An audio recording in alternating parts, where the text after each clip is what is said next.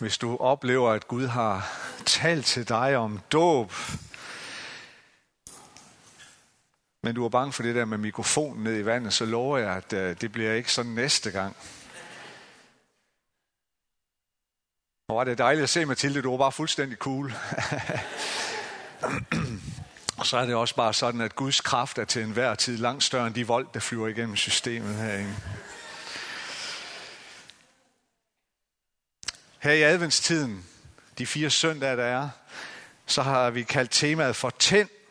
Og det er tændt med et udråbstegn til sidst. Det her med udråbstegn, det skal jeg vende tilbage til. Og i dag her, første søndag i advent, så er temaet tænd lyset. Kan, kan du huske sådan for et års tid siden? Det var den tid, hvor vi virkelig gik og slukkede lyset overalt. Kan I huske det? Selvom det var en mørk tid jo, som det jo er på den her tid af året, så gik vi hele tiden, og så slukkede vi lyset. Og øh, der var jo sådan en form for energikrise, eller øh, i hvert fald priskrise. Der var stor inflation. Priserne steg og steg, og ikke mindst energipriserne. Så det handlede om at, at, at spare på strømmen og slukke for lyset over alt, hvor man kunne. Øh, hvor mange af jer har siden da fået installeret sådan en app på jeres telefon, hvor I kan se, hvordan elpriserne udvikler sig i løbet af dagen? Må jeg lige se, hvor mange har fået sådan en? Ja, ja, ja, det er Nordjylland. Vi ved nok, hvordan vi lige skal... Øh, øh, hvad der kan svare sig. Øh, så kan man nemlig sætte vaskemaskinen og opvaskemaskinen og alle de her ting til, når strømmen er billigst. Det har jeg også fået på min telefon. Øh, men der er et lys, vi kan tænde, som rent faktisk ikke koster noget. Et lys, som vi altid kan tænde, uanset energikrise og inflation. Og nu vil jeg gerne læse et lidt langt afsnit fra Lukas evangeliet, kapitel 7, hvor der står øh, en, sådan her om, om Jesus og en ganske bestemt begivenhed, som Jesus var ude for.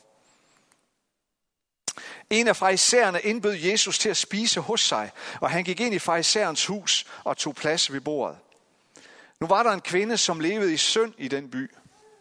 Da hun fik at vide, at hun sad til bords i farisæerens hus, da hun fik at vide, at han sad til bords i farisæerens hus, gik hun derhen med en alabastkrukke fuld af olie, stillede sig grædende bag ved, han, ved hans fødder, og begyndte at væde hans fødder med sine tårer, og tørrede dem med sit hår og hun kyssede hans fødder og salvede dem med olien. Da farisæeren, som havde indbudt ham, så det, tænkte han ved sig selv, hvis den mand var profet, ville han vide, hvad det er for en slags kvinde, der rører ved ham. At det er en, der lever i synd. Jesus sagde der til ham, Simon, jeg har noget at sige dig. Han svarede, sig det, mester. En pengeudlåner havde to skyldnere. Den ene skyldte 500 denar, den anden 50. Da de ikke havde noget at betale med, eftergav han dem begge deres gæld. Hvem, vil så, hvem af dem vil så elske ham mest? Simon svarede, den der eftergav mest, vil jeg tro. Jesus sagde, det har du ret i. Og vendt mod kvinden, sagde han til Simon, ser du denne kvinde? Jeg kom ind i dit hus. Du gav mig ikke vand til mine fødder, men hun har været mine fødder med sine tårer og tørret dem med sit hår. Du gav mig ikke noget kys, men hun er blevet ved med at kysse mine fødder, siden jeg kom herind. Du salvede ikke mit hoved med salve, men hun har salvet mine fødder med olie. Derfor siger jeg dig, hendes mange sønder er tilgivet, siden hun har elsket meget. Den, der kun får lidt tilgivet, elsker kun lidt. Og han sagde til hende, dine sønder er tilgivet. De andre ved bordet begyndte at tænke ved sig selv, hvem er han, som endnu tilgiver sønder? Men han sagde til kvinden, din tro har frelst dig. Gå bort med fred. Lad os bede sammen. Jesus, tak fordi du møder enhver af os med din kærlighed. Tak fordi du kommer til os lige midt i de livsomstændigheder, vi befinder os i, og du møder os der. Uanset hvor stor vi kan føle, vores gæld er, eller hvor lille vi kan føle, vores gæld er. Jesus, tak for, at du møder os med din nåde og med din tilgivelse. Og tak, at du er her lige nu, og du taler dit ord til os. Amen. De her farisæer på Jesu tid, hvem var de egentlig? For det var jo en farisæer, der havde inviteret Jesus til fest, eller til middag hjemme hos sig. Hvad var de for nogle mennesker? Ja, farisæerne var jo en særlig religiøs gruppe, en, en, en, en religiøs fraktion eller parti, kunne man måske sige. De var, det var mennesker, der var trænet, oplærte i de religiøse skrifter. Ikke mindst de jødiske skrifter, og naturligvis især de skrifter, som vi i dag øh, øh, kender som det gamle testamente. Spørgsmålet er, om ikke vi nok har givet de her farisæer en noget hård behandling, øh, sådan i historiens lys. Vi har kaldt dem hykleriske, dobbeltmoralske, fordømmende osv. Og noget af årsagen til det skal vi jo selvfølgelig finde i den kritik, som Jesus selv kommer med over for farisæerne. Men spørgsmålet er måske alligevel, om vi har været sådan helt færre om Jesus syn på, på, øh, på farisæerne. Om vi, har, om vi har forstået det helt rigtigt. Øh, spørgsmålet er, om ikke Jesus syn på dem var trods alt nok lidt mere nuanceret. Øh, det kan være svært at svare på, synes jeg. Men i hvert fald, så er der tale om en fremtrædende gruppe. Religiøs, stærk religiøs gruppe.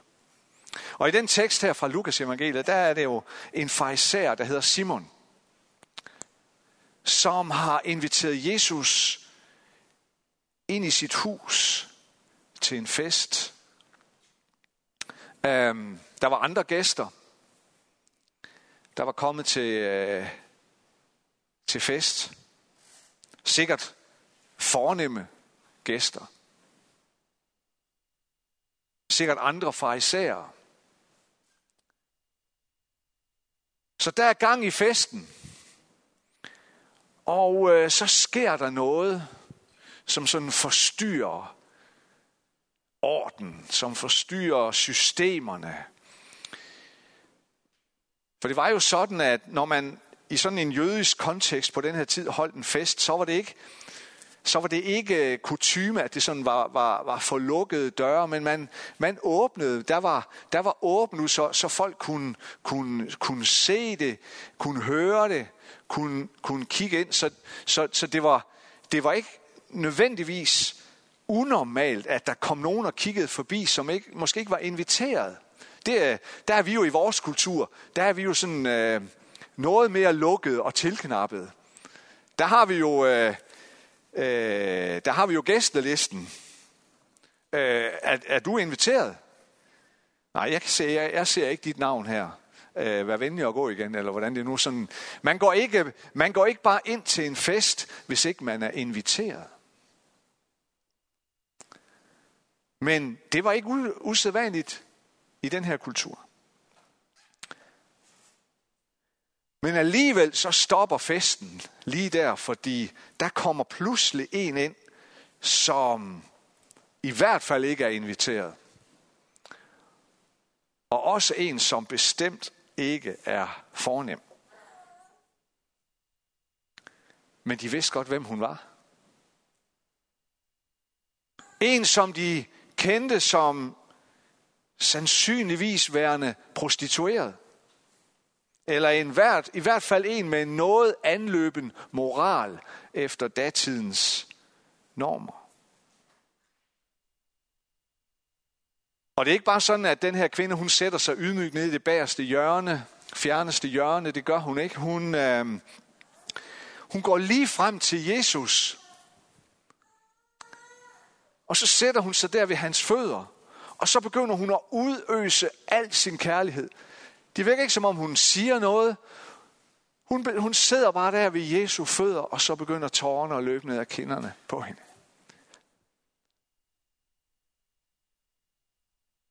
Og alting går i stå ind i det her rum. Hun udøser al sin kærlighed, og det gør hun i form af øh, en, en, øh, en velduftende olie. Hun udøser al sin kærlighed i form af sine tårer, og med sit lange, udslåede, tørrende hår. fordi hun tørrer Jesu fødder.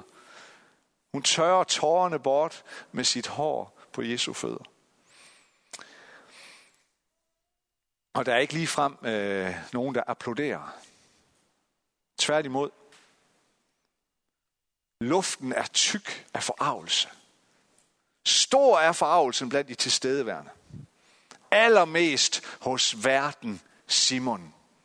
Ejeren af huset og ham, der har inviteret til festen.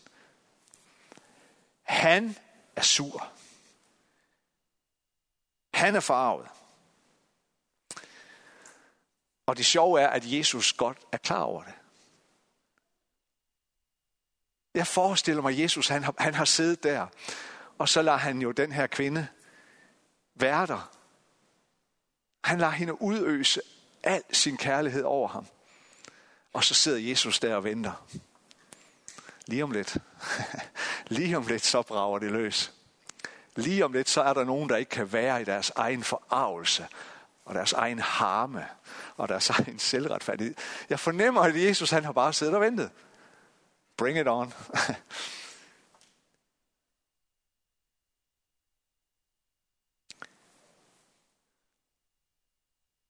Jesus ved det. Og inden Simon når at sige noget som helst, så udfordrer Jesus ham ved at fortælle ham en lille historie om det her med at få meget tilgivet, og derfor også give udtryk for stor kærlighed. Og Jesus fortæller også om, hvad det modsatte er, at hvis ikke man, man føler, at man har brug for tilgivelse, hvis ikke man føler, at man har brug for Guds nåde og tilgivelse, så viser man måske heller ikke så meget kærlighed til andre mennesker. Hvis man er nådesløs over for sig selv, så bliver man også let nådesløs over for andre mennesker.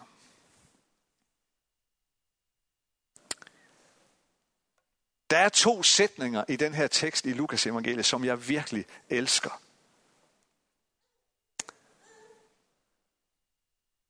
Og den første sætning, og begge sætninger, det er noget, som Jesus siger til Simon. Den første sætning, det er der, hvor Jesus han siger til Simon, Simon, jeg har noget at sige dig. Jeg har noget at sige til dig. Da Jesus fornemmer, hvad Simon tænker, fornemmer hans forarvelse, så kalder han på Simon og siger til ham, Simon, jeg har noget at sige dig.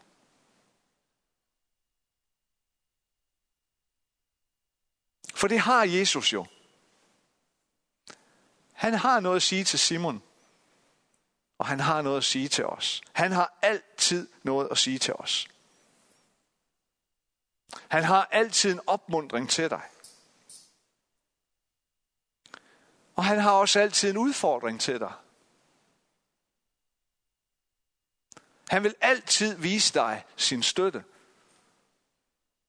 Og han vil som han også altid udfordre dig. Og han har altid et kald til dig. Jesus har altid noget på hjerte for dig. Det er jo det, som, som Josefine og Mathilde har oplevet. De har mødt den Jesus, som har noget at sige til dem. De har mødt den Jesus, som har noget på hjerte for dem. Og hvad er det så, Jesus har at sige til Simon? Ja, det er en klar udfordring. Et klart kald. Og jeg tror, at Jesus budskab til Simon dybest set er det her. Simon, du lever et liv, hvor du forsømmer at tænde lys for andre. Du forsømmer at tænde lys for andre mennesker, til trods for, at du har alle muligheder for at gøre det. Du har alle ressourcerne tilgængelige, men du forsømmer det. Simon, du har inviteret mig her ind til fest i aften. Men har du gjort det for at tænde et lys i mit liv? Nej. Nok nærmere for at teste mig. Nok nærmere for at se, om du kan fange mig i at gøre noget forkert. Nok nærmere for at se, om ikke du kan fange mig i en fodfejl.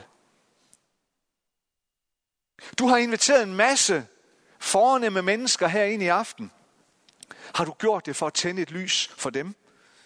Nej, nok nærmere for at vise din egen formåen og din egen rigdom. Og så gør Jesus det ultimativt udfordrende for Simon. Han sammenligner Simons indsats og ikke mindst Simons hjerte med den kvinde, som vagte forarvelse ved sin blotte tilstedeværelse. Her er en kvinde, Simon, som lige siden hun kom ind i det her lokale, og lige siden at musikken stoppede og alt klirren med tallerkenerne forstummede,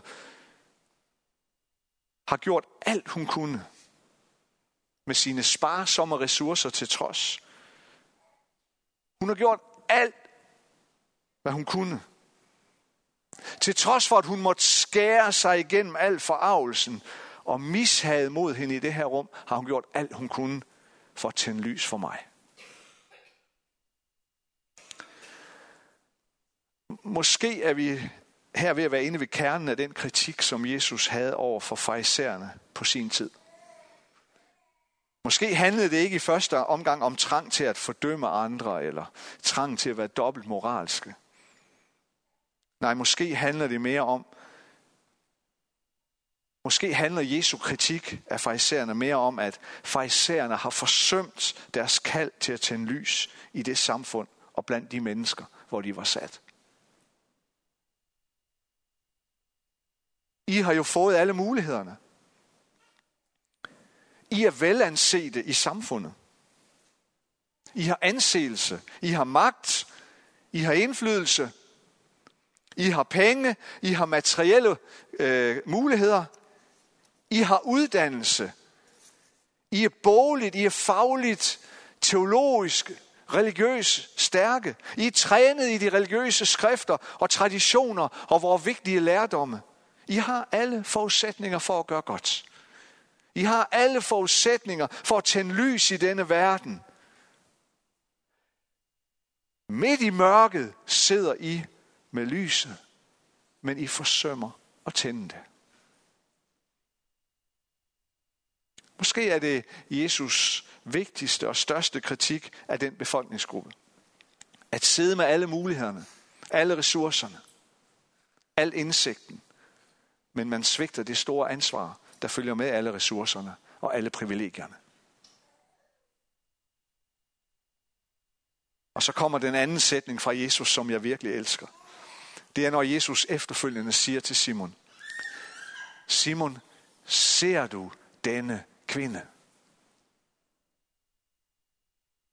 Ser du hende, Simon? Har du, har du åbnet dine øjne, Simon? Simon, kan du for et øjeblik bare lægge al din forarvelse til side, og så virkelig se hende? Kan du se hende, som jeg ser hende? Som Gud ser hende? Ser vi andre mennesker?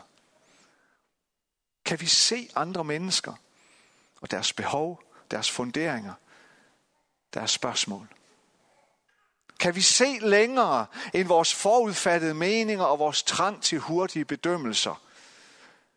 Nogle gange på et lidt tyndt grundlag. Kan vi se længere end det, og så virkelig se mennesker? Jeg tror, at det er de her to sætninger, som er sådan en form for, for grundforudsætning, hvis vi kan sige det på den måde, for at vi kan og vil tænde lys i denne verden. Det ene er, jeg har noget at sige dig. At vi for det første er sådan grebet af Guds formål og Guds plan for den her verden og til mennesker rundt omkring os, fordi vi selv har mødt Jesus. At vi selv har mødt ham. Mødt ham, som virkelig havde og har noget at sige til os. Og at det har forvandlet vores liv i en sådan grad, at vi selv har noget at sige til denne verden. Det er det ene. Og det andet, det er, ser du? Ser jeg mennesker? Det er den anden grundforudsætning for at kunne tænde lys i den her verden, at vi rent faktisk er i stand til indimellem at stoppe op og se verden, se mennesker. Se længere end alt det, der i vores eget liv nogle gange kan blokere for at se mennesker, som Gud ser dem. Så tror jeg, så kan vi begynde at tænde lys i denne verden. Så kan vi være lys. Så kan vi tænde lys for andre mennesker. Jeg er overbevist om, at vi har alle sammen ressourcerne til det. Det har vi alle. For vi har alle noget at give til andre mennesker. Vi kan alle bringe et lys med os og tænde det for et andet menneske. Det er ikke et spørgsmål om, om økonomi eller andre privilegier, eller evner, eller talenter, eller uddannelse, eller alt muligt andet. Det handler først og fremmest om nærvær. Det handler om at se. Det handler om at løfte sit blik og se et andet menneske ind i øjnene. Det er derfor, den her korte adventsserie hedder Tænd med udråbstegn. For det er en udfordring til hver eneste en af os. Det kan hver gøre. Det kan hver af os gøre. Ved bare at være til.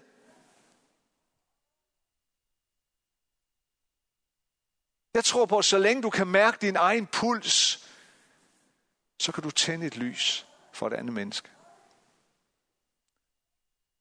Flere af os var for nogle uger siden på en, en lederkonference, hvor hovedtaleren var en egyptisk kvinde, der hedder Mama Maggie.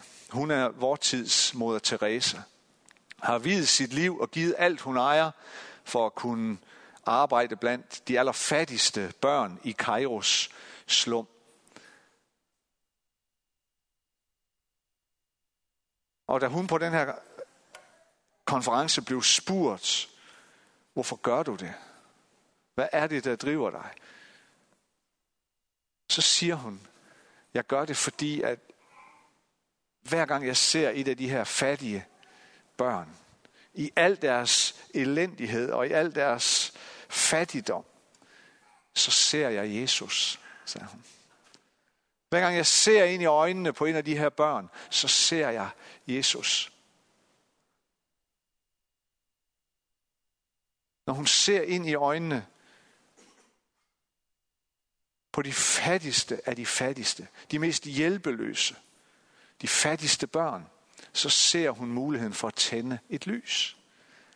Fordi det er det, Jesus vil gøre, og det er det, Jesus gør. Lad os bede sammen.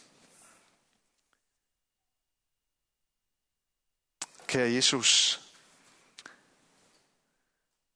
vi lever i en mørk tid på mange måder. Men Jesus, du kom til verden som lyset, som håbet, som freden, som glæden.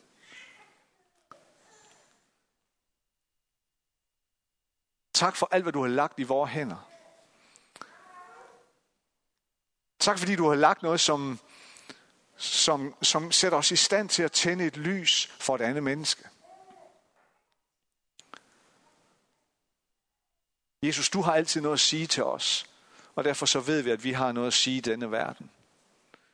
Du ser altid os, og derfor kalder du også os til at se et andet menneske på vores vej. Jeg beder om noget fra dig her. Noget og barmhjertighed til at tale til den her verden og til at se den her verden. Og så vil vi tænde lys vi priser og takker dig i Jesu navn. Amen.